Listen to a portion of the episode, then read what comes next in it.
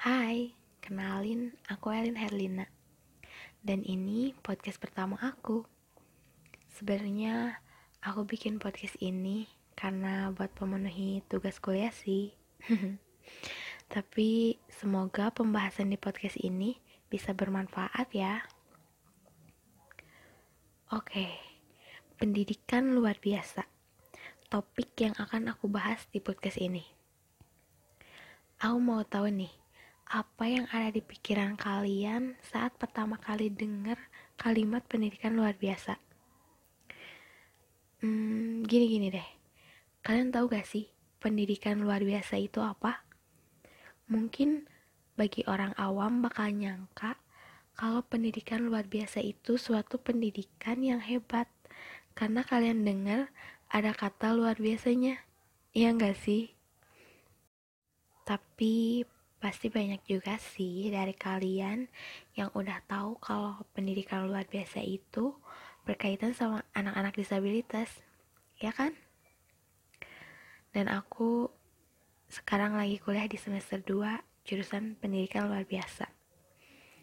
Setiap ketemu teman-teman SMA, SMP, SD, bahkan tetangga-tetangga pasti tuh basa-basinya kuliah di mana nih, jurusan apa, Ya, aku jawab, aku kuliah di Uninus, jurusan PLB.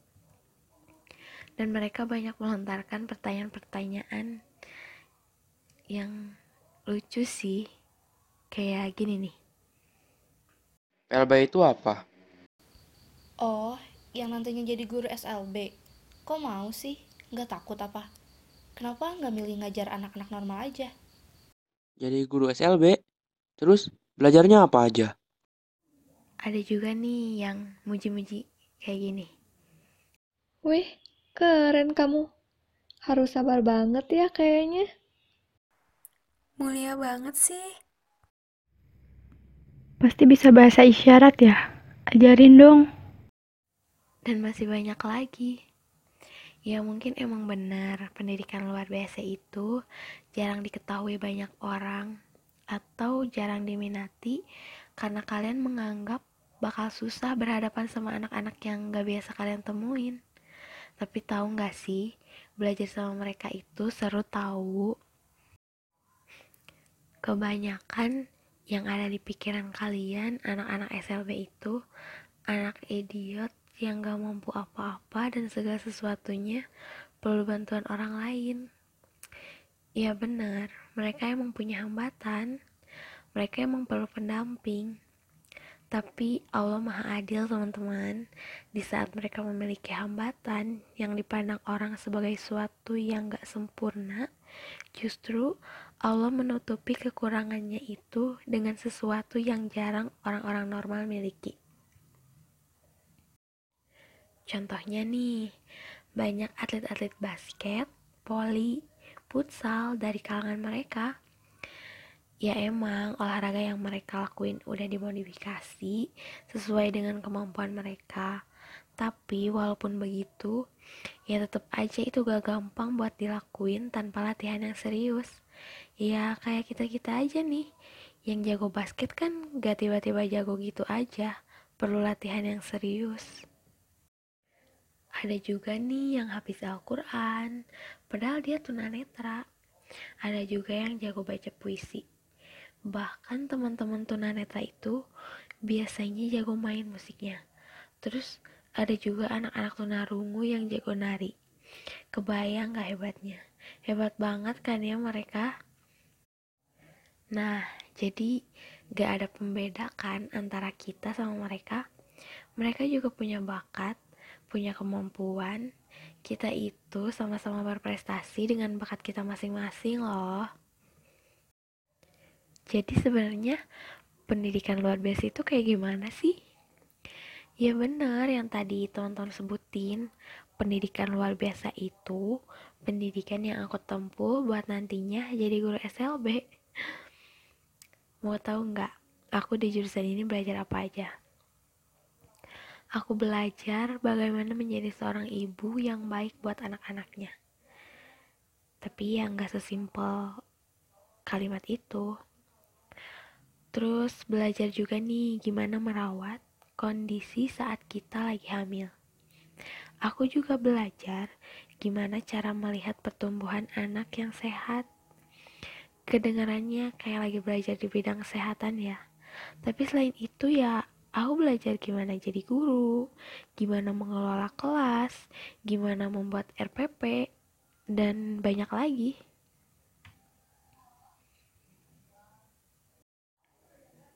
PLB itu ibaratnya multi talent.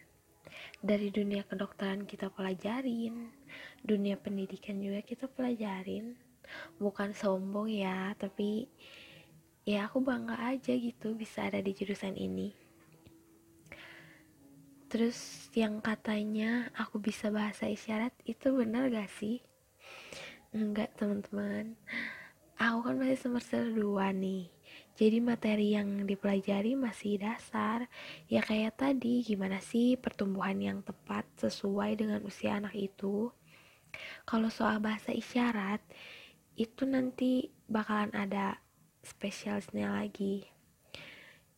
Kita di semester 3 bakalan bebas milih mau ambil spes tunarungu, tunagrahita, atau tunanetra kalau pengen bisa bahasa isyarat ya kita ambil space tunarungu.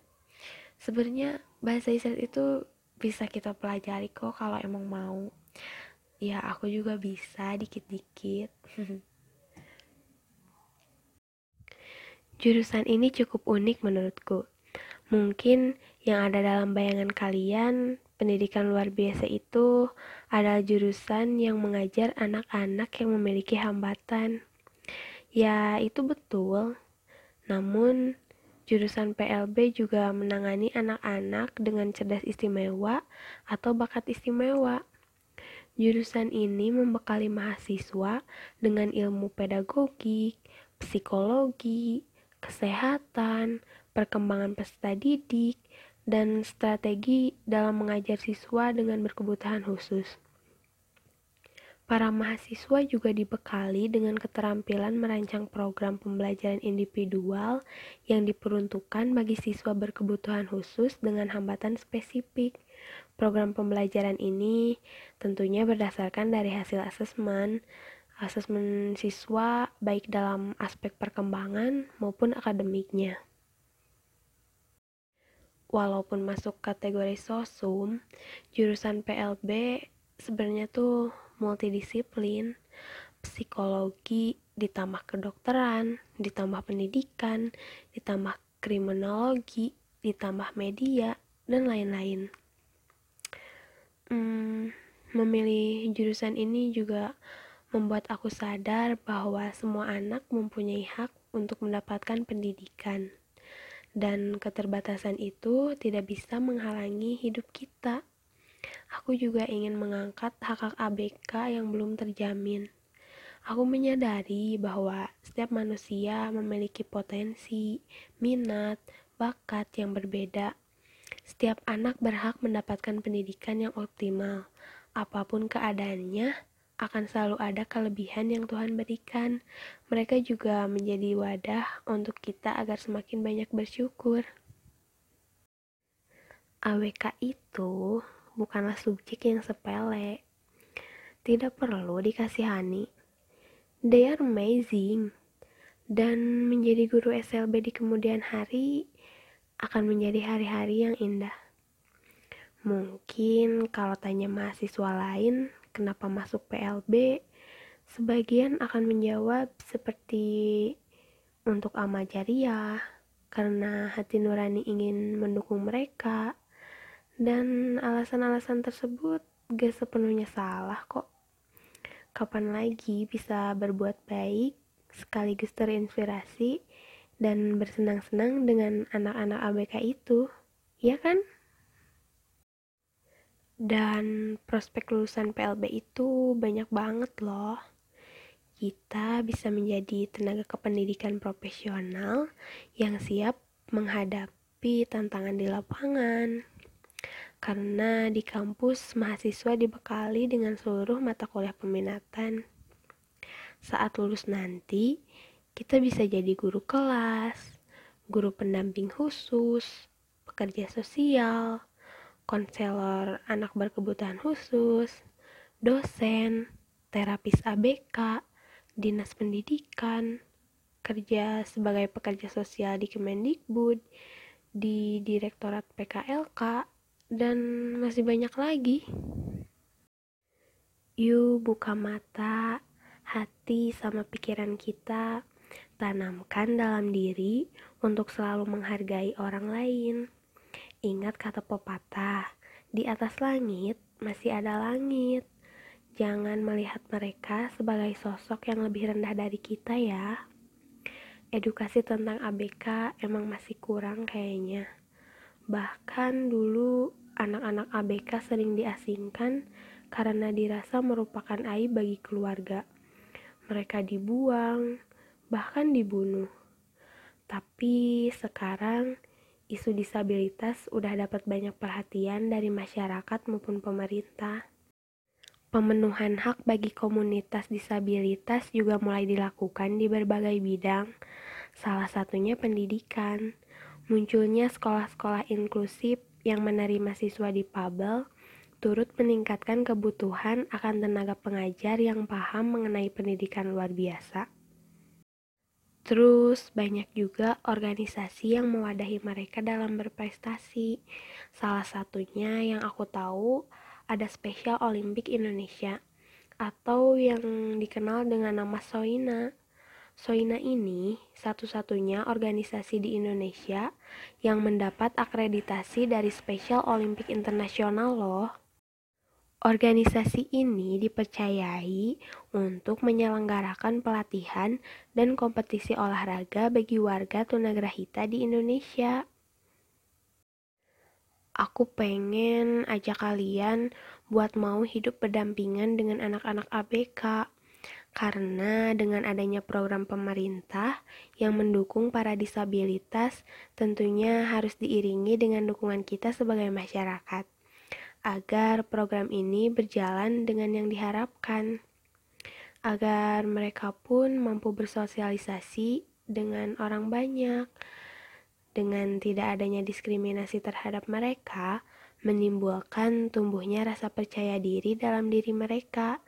Dan dengan adanya rasa percaya diri itu, mereka semakin mampu untuk mengoptimalkan kemampuannya. Dengan begitu, semakin banyak prestasi yang mereka dapatkan.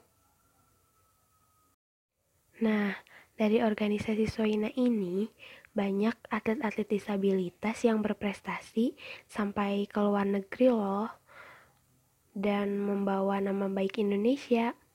Kita harus tahu dan harus bangga. Kasih mereka semangat. Apresiasi kecil dari kita itu berharga banget loh buat mereka. Mulai sekarang, yuk lebih kenal dan dekat sama mereka. Nah, kalau kita udah mau berbaur dengan mereka, itu juga memudahkan mereka untuk dapat mempertahankan hidupnya. Mereka jadi mudah dalam mencari pekerjaan. Sekarang ini emang udah banyak peluang kerja untuk warga disabilitas, tapi kadang orang tua ataupun anak itu sendiri merasa tidak percaya kalau mereka bisa bekerja dengan orang lain. Banyak kekhawatiran dan ya rasa tidak percaya diri itu tadi. Dan perspektif inilah yang harus kita ubah. Tapi aku bersyukur. Sekarang banyak owner-owner kafe yang mau menerima warga di Pabel untuk bekerja dengan mereka. Semoga makin banyak yang aware ya sama mereka dan termasuk kita. Oh iya mereka itu sangat menghargai orang-orang yang tulus menghargai mereka. Mereka bakalan ingat jasa kita, walaupun menurut kita itu cuma hal kecil, tapi ya bagi mereka mungkin itu suatu hal yang berharga. Gimana nih sampai sini? Udah paham belum?